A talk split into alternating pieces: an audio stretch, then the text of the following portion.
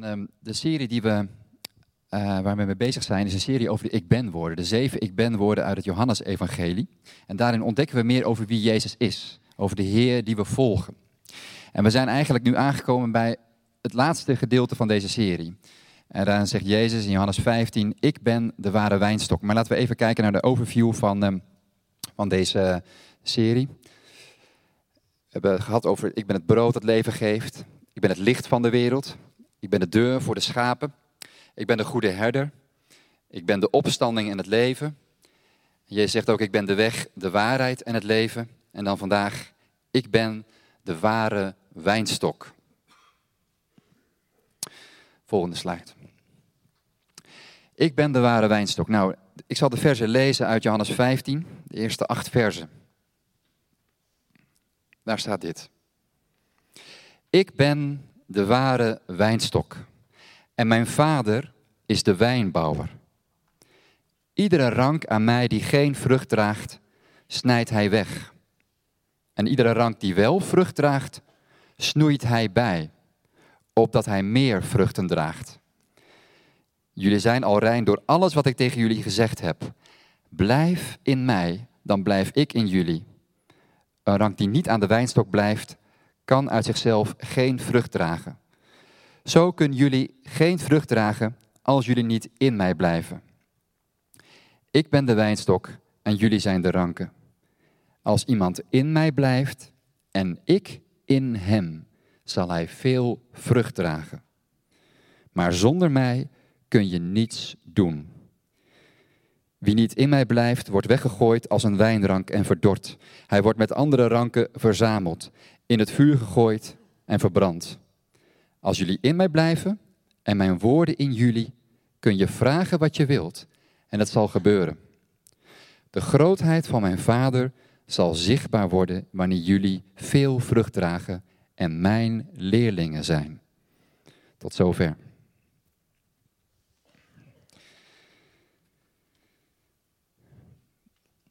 Als je dit, um, deze versen zou willen samenvatten, um, is er een heleboel over te zeggen. Maar het beeld van die wijnstok is natuurlijk heel centraal.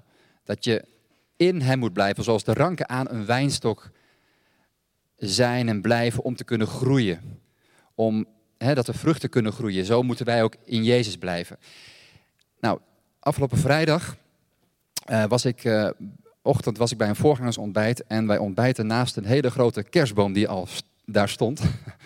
Indrukwekkend groot en versierd. En ik wil eigenlijk dat beeld van die kerstboom um, even contrasteren met, met het beeld van een wijnstok. Dus laat ik daar eens mee beginnen. Ik heb een plaatje van een kerstboom. Uh, mooi versierd. Dit is dan een, een echte. Die zie je in de vorm dat hij niet helemaal perfect is. Dus dan, daar hou ik zelf wel van dat je tenminste wel een beetje nog die echte geur in huis hebt en zo. Nou, ik weet niet hoe het bij jullie gaat. En of niet iedereen heeft misschien een kerstboom in huis. Maar wij, uh, wij ontkomen er niet aan, want de kinderen vinden dat geweldig om dat ook te versieren. We hebben nu een vast plekje bij ons in de wijk waar we altijd de kerstboom halen. En dan kies je er eentje uit. En dan zal even onderhandelen over de prijs in de zin van, ja, de kinderen willen een hele grote, maar dat is natuurlijk wel een beetje boven het budget. Dus dan wordt het vaak net iets kleiner. En uh, het ruikt daar heerlijk. Een hele, uh, ja, bij ons een boerderij vol met van die kerstbomen. En die nemen we dan mee naar huis. En dat is leuk. En dan staat hij, dan zet je daar naar neer en dat ga je helemaal versieren. En het ziet er steeds mooier uit. Behalve slingers. En uiteindelijk, uh, nou ja, hoop je zoiets te bereiken zoals dit plaatje. Maar het is natuurlijk, ik contrasteer het met het beeld van, van de wijnstok en de ranken, omdat in feite het lijkt heel mooi en vol en vol leven. Maar in feite is het natuurlijk een boom die aan het sterven is. Het lijkt van buiten heel mooi. Het lijkt alsof er heel veel aanhangt, imponerend. Maar in feite is het iets heel triest, want het gaat eigenlijk langzaam dood.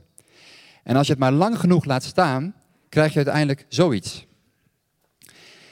En uh, ik weet niet hoe dat is, zover laten we het meestal niet komen. Maar bij ons moet hij altijd van de ene kamer helemaal door de kamer heen. Dan haal ik, dat is meestal mijn taak. En dan stoot je een stoel aan. Dan vallen er weer zoveel naalden uit. Dan moet hij nog door de gang naar buiten. En als hij buiten is, is bijna al de helft al uitgevallen. Als wij hem uiteindelijk wegbrengen. En het enige waar die boom nog voor dient. En er zijn ook wel soms jongens in de wijk of zo die dat dan leuk vinden om die boom te verzamelen. Om ergens een soort van verbranding te doen. Dat is eigenlijk het enige waar die boom nog voor dient. Terwijl in potentie zo'n boom heeft als die dennenappels zouden vallen in potentie heeft zo'n boom de, de kracht om een heel dennenbos te veroorzaken. En dat is eigenlijk wel triest dat, dat dit dan het resultaat is. Dus dit even als, een contrastbeeld van dat soms kan iets heel wat lijken. Heel mooi zijn, heel vol zijn met allemaal slingers en toetsen en bellen. Maar in feite is het dood. Is het droog.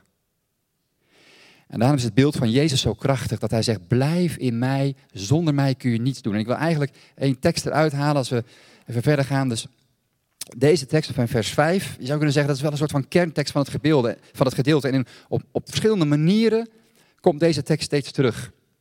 Als iemand in mij blijft en ik in hem, zal hij veel vrucht dragen. Maar zonder mij kun je niets doen. Zonder mij kun je niets doen. Ik weet niet, als je dat zo leest, ik had zoiets van, ja, is dat wel zo?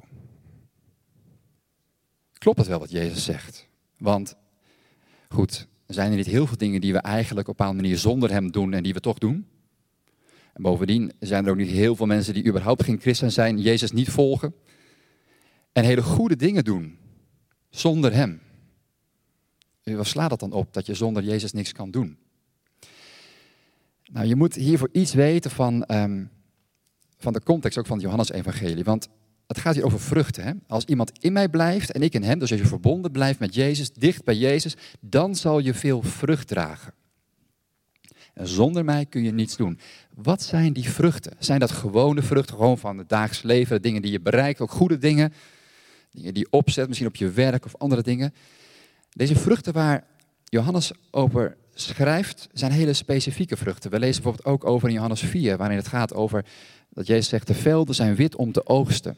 En dan spreekt hij ook over de maaiers die eeuwige vruchten binnenhalen. Dus de vruchten waar Jezus hier over spreekt zijn eigenlijk heel specifiek. Het gaat eigenlijk over dingen met eeuwigheidswaarde. En specifiek gaat het over mensen die gewonnen worden voor het koninkrijk van God en die zo het eeuwig leven ontvangen. Mensen die vergeving van zonde ontvangen doordat ze in Jezus geloven en zo eeuwig leven ontvangen. Dat zijn de echte vruchten. Dat zijn de vruchten waar Jezus ook naar zoekt. Als hij spreekt over ook dat andere beeld van de velden zijn wit om te oogsten. Dan zoekt hij naar arbeiders die die oogst kunnen binnenhalen. Dus als we dan lezen dat er heel veel vrucht is, dan is het ook vrucht van mensen die Jezus ook gaan volgen. Ik zat in mijn voorbereiding een beetje met uh, deze tekst, want ik heb een bepaalde manier om preken te maken en dat liep deze keer wat anders. Uh, wat ik geleerd heb ook in mijn theologiestudie is om natuurlijk eerst vanuit de grondtekst te kijken en vervolgens ja, een beeld te krijgen van de context ook. En te gaan zoeken in commentaren. En ook, ik vind het zelf wel leuk om nog te kijken wat anderen erover gezegd hebben. De kerkvaders en andere mensen. Zo om, om daar mooie dingen uit te halen. En, en ik schrijf eigenlijk mijn preken altijd helemaal uit.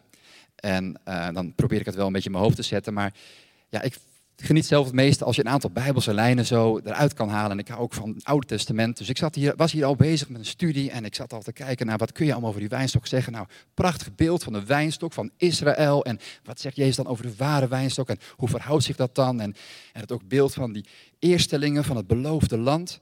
Uh, dat, wat betekent dat juist die wijn, uh, grote rank werd binnengehaald uit, door Jozua en zijn consorten van het, tenminste vanuit het, vanuit het beloofde land als een, als een beeld van de eerstelingen. En nou veel meer gedachten die je ziet in het Oude en het Nieuw Testament over, over wijngaarden, over, over de wijn die geperst wordt, tussen de druiven die geperst worden tot wijn. En ook het beeld van, van, van Christus daarin. Hele mooie dingen over te zeggen. En ik wilde de preek in deze serie in, over de ik ben worden, zowel in Leidse Rijn als in um, Utrecht houden. Dus dat heb ik ook gedaan. En dus ik was er eigenlijk al, al, al ja, twee maanden geleden een beetje mee begonnen in mijn gedachten en in studie.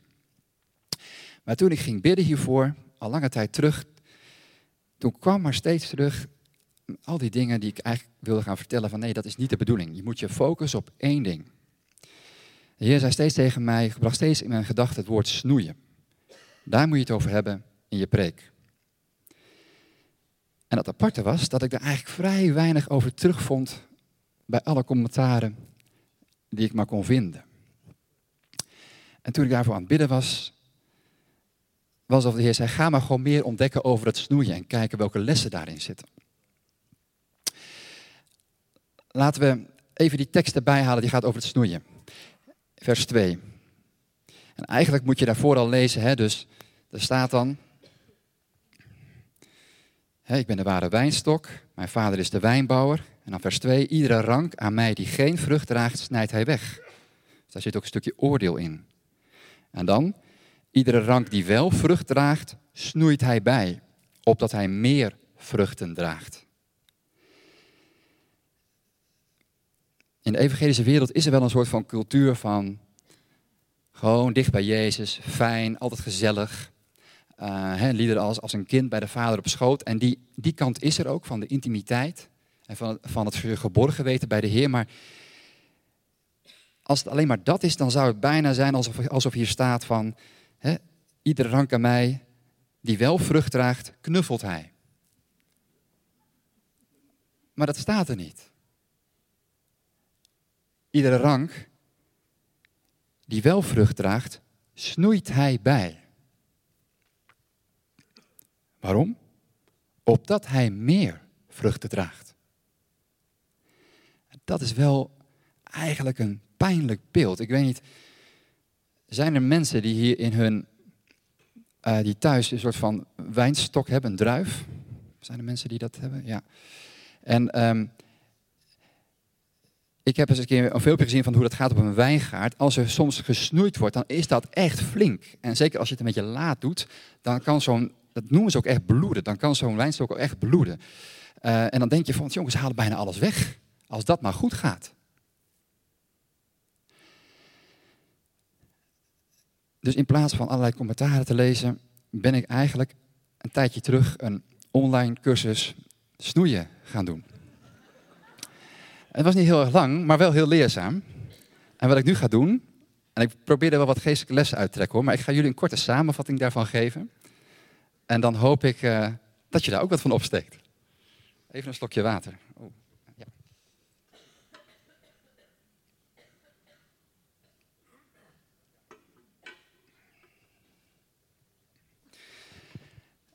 Als er kenners hier zijn die zeggen op een gegeven van... Dirk-Jan, wat je nou gaat zeggen over snoei, dat klopt niet steek even je hand op. Hè? Maar ik probeer gewoon braaf even over te brengen wat ik zelf dus geleerd heb van een aantal kenners. Um, ik begin met, er zijn twee soorten snoeien. Als het gaat om de druif alleen, heb ik het nu even over. Even een gespecialiseerd onderwerp. Dus als het gaat om snoeien van de wijnstok, van de druif, dan hebben we wintersnoeien en zomersnoeien. Nou, eerst een, foto van, um, van het wintersnoeien. Um, en dan zie je nou, er is niet heel veel over en toch moeten echt wel flink wat takken soms gesnoeid worden. En waar het daarom gaat is eigenlijk de slappe en dode twijgen, dat je die weghaalt, die je niet wil hebben. Dus echt flinke takken wegsnoeien en zo. En dan, uh, ja, dat is wat je dan bij het wintersnoeien doet. Maar waar ik jullie met name naar wil kijken is eigenlijk naar het zomersnoeien. Want dat is het meest spannende. Dan zie je de vruchten al hangen. Dus het volgende plaatje. En dat is eigenlijk, dat is niet zo uh, bepaalde zo eenduidig als het wintersnoeien. Er zijn eigenlijk drie vormen van snoeien in de zomer. En daar wil ik met jullie naar kijken en een paar geestelijke lessen uithalen. Allereerst um, is het van belang bij het zomersnoeien dat je de bladeren rondom de trossen weghaalt, wegknipt. En het ziet altijd zo mooi uit, zo'n volle druif met al die bladeren en zo. Het geeft ook schaduw. En denk je, waarom moet je dat nou doen? En toch moet je dat doen. waarom? Zodat het zonlicht op de druiven valt. En ik vind het mooi toen ik hier zo over aan nadenken was. Ik dacht van ja, de snoeitechnieken en zo. En hoe druiven groeien en hoe je goede druiventrossen krijgt die uiteindelijk goede wijn opleveren. Dat is natuurlijk in de afgelopen 2000 jaar niet zo enorm veranderd. Dus die snoeitechnieken gebruikten ze toen ook. En die bladeren, als je die weghaalt, ja, is ook logisch dat de zon er meer op, op komt en dat die druiven daardoor beter tot hun recht komen. Dus dat is belangrijk. Dan dacht je, ja, wat is van die eerste, van die drie zomers, soorten zomersnoeien, wat is daarvan nou een soort van geestelijke les? Want op een bepaalde manier hoorden die bladeren gewoon volledig bij de, bij de druif, toch? Bij de wijnstok. Dus je zou zeggen, dat is eigenlijk gek om die weg te halen. Maar de focus is dus wel dat die vruchten tot hun recht komen, dat die groeien. En dat is wel belangrijk om als kerk ook te blijven beseffen. Er zijn heel veel dingen belangrijk in een kerk. Maar als er op een gegeven moment geen vruchten meer zijn, en heb ik het over vruchten met eeuwigheidswaarde, mensen die Jezus leren kennen en Hem gaan volgen, daar gaat het ook over. Nee, serie natuurlijk samen Jezus volgen, dan is er wel een fundamenteel probleem.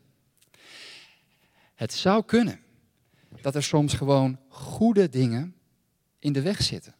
Dat er te veel bladeren zijn die allemaal ook ja, dat sap nodig hebben en zo, waardoor de energie en waardoor ook het zonlicht eigenlijk niet meer die, die, die vruchten kan bereiken. Het is, eigenlijk is het een heel mooi beeld hè, dat Jezus hier schetst van, van het beeld. Er zit ook een heel trinitarisch beeld in. mijn vader is de landman, is degene die eigenlijk zwaar het snoeien doet. Hij, Jezus, is de wijnstok, we moeten in hem blijven en wij zijn de ranken die aan hem groeien en we, we dragen alleen vrucht als we in hem blijven. Ja, en, ehm, en, en dan tenslotte van, van dat, dat de Heilige Geest er ook is. En dat wordt niet zo genoemd in dit gedeelte, maar dat stel ik me voor, is alles wat maar voeding geeft aan die vruchten. Het zonlicht, de regen, het water wat uit de grond komt. Mooi beeld van de Heilige Geest. Maar het is wel nodig dat die, dat zonlicht uh, ja, die druiven kan, kan bereiken. En dat ze daardoor kunnen groeien. En het kan dus zomaar zijn dat er dingen zijn die, um, ja, die goed zijn, ook in ons leven, die wel het zonlicht tegenhouden. Die de aandacht opeisen. En dat daardoor echte vrucht en groei bij ons uitblijft. En we ook niet in die zin ja, getuigend zijn naar mensen om ons heen. Dat is eigenlijk de eerste vorm. Dus daar is het altijd goed om, om naar te kijken.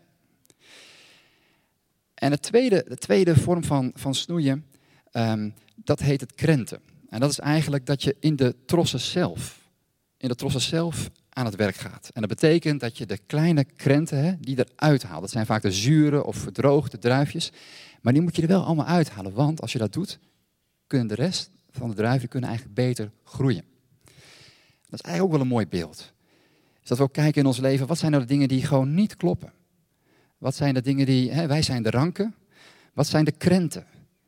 Wat zijn bij ons de krenten, de, ja, de zonden of de dingen die gewoon niet goed zijn? Welke dingen moeten we weghalen zodat we vrucht dragen? Ik denk ook een geestelijke les voor ons als kerk. En dan is er nog een derde variant. Een derde variant van, uh, van snoeien. En dat is um, eigenlijk, en dat vind ik wel, daar wil ik wat langer bij stilstaan. Dat, dat was eentje, daar had ik eigenlijk niet zo over nagedacht. Maar de derde variant is dat je de, dat je de twijgen snoeit, ook in de zomer maar dat je ze wel in de goede richting leidt. In de goede richting. Dat zijn nog slappe twijgen. En die, het ligt er een beetje aan, bij een wijngaard wil je ze langs, vaak langs draden spannen in de lengte, zodat je uiteindelijk makkelijk kan plukken en er heel veel trossen kunnen komen. Bij je huis wil je dat misschien zo een beetje leiden langs zo'n soort van pergola of wat je ook hebt. En daar wil je de, de, langs laten leiden en dan kan het ook groeien in de goede richting. Dus dan, je leidt het in de goede richting en daar knip je het dan af. En dat afknippen, dat, is, um, uh, dat lijkt dan hard, maar je doet het precies tot het punt op waar je het wil hebben. En waar je het dan afknipt, dan weet je, tot daar, tot daar, het is nu nog een slappe twijg, maar als het door de winter heen gaat, dan is er een speciale term voor, dan verhoudt het. Juist door de, laten we zeggen, door de moeilijke seizoenen heen, uh, wordt het sterker. Dat is ook een heel mooi geestelijk beeld, is dat je dus moet weten, groei ik in de goede richting? En juist door de winterperiodes heen kan het hout, eh, kan, het, kan die, die takken die verhouten. Die, dat is een mooi beeld van karaktervorming. Juist door de pittige periodes heen, misschien ook van geestelijke droogte, dat je merkt dat je steviger wordt. Als je maar geënt blijft op Jezus Christus. Als je maar dicht bij Hem blijft. Dus het is, het is ook belangrijk dat we groeien in de goede richting. En um, dat is iets wat, um, wat voor mij ook in mijn nieuwe functie van, van belang is. Ik ben sinds eh, september, weet u misschien wel, eh, de meeste van u wel, ben ik missionair voorganger van de ranggemeente. En dat is iets waar, dat is een heel verhaal, maar ja, waar ik me echt voor geroepen voel, al, al lange tijd. Ik ben heel blij dat ik daarmee bezig kan gaan. Maar dit beeld wat we hier zien in Johannes 15, ik heb echt geleerd dat is zo belangrijk. Dat we allereerst bij Jezus blijven, in Hem blijven en dus ook doen wat Hij zegt. Niet zomaar in het wilde weg gaan groeien. Niet zomaar aan alle kanten onze takken uitzetten. Want als we dat doen, dan, ja, dan, dan wordt het uiteindelijk niks. Maar luisteren naar wat hij zegt en ons in die richting laten leiden. En dus zelfs ook goede dingen moeten we soms dan misschien niet doen. om een voorbeeldje te geven, heel concreet van afgelopen week. Ik weet niet of u het gezien heeft, maar in de afgelopen week heb ik in de informeel een oproepje gedaan. Ik had met Caroline over gesproken van, joh, komt er ook een alfa-cursus? Nou, weten we nog niet precies, maar we kunnen kijken of er mensen zijn die mee willen helpen. Ik zei ook tegen haar, we hadden het erover, ja, ook met dit soort dingen geloof ik van, als, als de Heer dat wil, dat we, dit seizoen, dat, dat we dat dit seizoen doen, dan zal Hij ook mensen daarvoor sturen, daarvoor mensen roepen. Maar het kan ook best zijn dat we dit seizoen niet doen. We hoeven niet per se altijd alles te doen. Stel nou voor dat de Heer zegt, luister eens, jullie zijn zo druk met van alles en nog wat. Maar ik mis de intimiteit met jullie. Jullie blijven niet in mij. En daardoor kun je eigenlijk niets doen als het gaat om vruchten die eeuwigheidswaarde hebben. Misschien zegt hij wel tegen ons, doe het seizoen niet. En neem die tijd om dichter bij mij te komen. Ik heb echt moeten leren om ook naast gewoon, s ochtends, dat je een stukje uit de Bijbel leest, om te bidden, om af en toe maar van die langere momenten te nemen. Om dat ook gewoon mijn agenda te plannen. Dat ik bijvoorbeeld even een stiltewandeling maak. En gewoon probeer mijn hart op de Heer te richten en zeggen, Heer, wat wilt u? Wat is de bedoeling? En wat is niet de bedoeling? En dat, dat moeten we denk ik allemaal doen. Dat we weten, waar wil de Heer mij gebruiken met mijn gaven? In welke richting ja, moet, moet het takje gaan groeien? Zodat daar de vruchten kunnen komen. Dat is een heel belangrijke les, denk ik. Dus zo verschillende snoeitechnieken. Verschillende dingen die we kunnen leren als het gaat om de wijnstok. En dat snoeien is best een pijnlijk proces. Het is niet altijd makkelijk. En misschien zit je daar nu wel middenin, dat je niet helemaal snapt waarom dingen gebeuren, waarom het moeilijk is. Misschien wil de Heer je daardoor iets duidelijk maken. En we beseffen wel dat, dat, dat eigenlijk zijn snoeien dus niet is om ons te belemmeren, maar juist om ons meer vrucht te laten dragen. En dat vind ik een heel mooi en bemoedigend beeld. Dus eigenlijk samenvattend wat ik jullie wil meegeven deze morgen, en eigenlijk is het heel eenvoudig, iets wat je misschien al lang wel weet, maar toch geloof ik echt dat dat het is wat de Heer tegen jullie wil zeggen. Blijf echt dicht bij Jezus. Dat is de prioriteit. Laat niet allerlei bladeren tussen het zonlicht komen. Laat niet die krenten de vruchten in de weg zitten. Doe die kleine dingen weg uit je leven of grote dingen die gewoon niet goed zijn voor je. En ook groei in de goede richting. Luister naar wat Hij zegt, welke kant Hij je, jou wil gebruiken. Luister naar de Heilige Geest, wat Hij zegt tot jou. Waar Hij je voor roept en waar Hij je niet voor roept. Maar in alles, blijf dus in Hem. Want als het gaat om dingen met eeuwigheidswaarde, is er niets dat je kunt doen zonder Jezus. Laten we Hem samen volgen. Amen.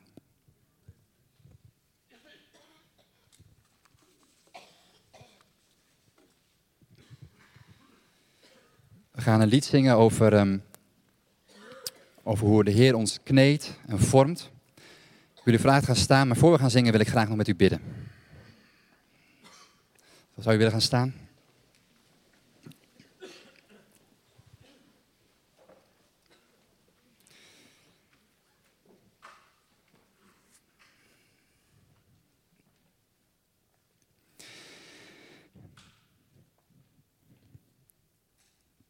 Heer, ik wil u danken voor uw woord.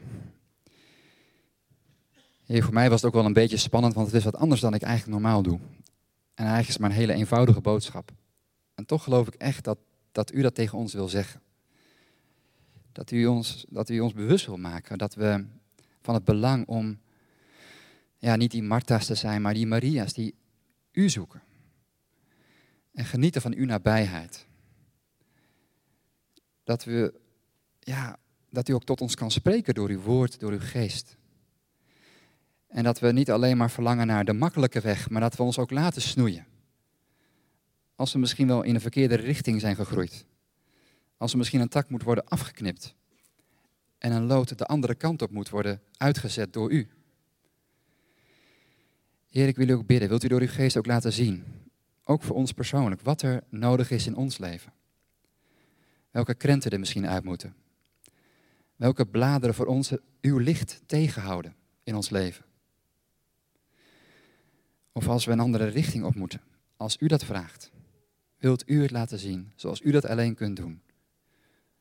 Op dit moment of in de komende tijd.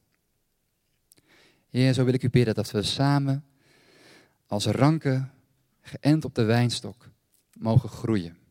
Dat we vrucht zullen dragen. En dat meer mensen u zullen leren kennen. Heer, ik heb echt ontdekt dat, dat het zo belangrijk is om niet zomaar wat te doen. Heer, zoals dat moment dat u zei, ga maar gewoon bidden dat ik mensen stuur. En, en dat deed u. Niet enorme aantallen, maar ook de dranklijsterij elk jaar wel een paar mensen, zomaar van buitenaf, die niet eens wisten waarom ze binnen liepen, maar zeiden, ik moet hier zijn. God heeft tot mij gesproken, maar ik ken hem helemaal niet.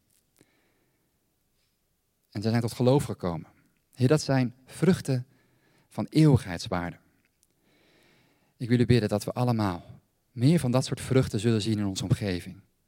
Maar dat kan alleen maar als we dicht bij u blijven. Het is uiteindelijk uw werk. Vader, u bent de landman. Heer Jezus, u bent de ware wijnstok. Heilige Geest, u bent degene die ons leidt. U bent het zonlicht dat ons voedt. Het water dat ons voedt. Ik wil u bidden, kom in ons. Vorm ons, kneed ons, zodat we vrucht zullen dragen. In Jezus' naam. Amen.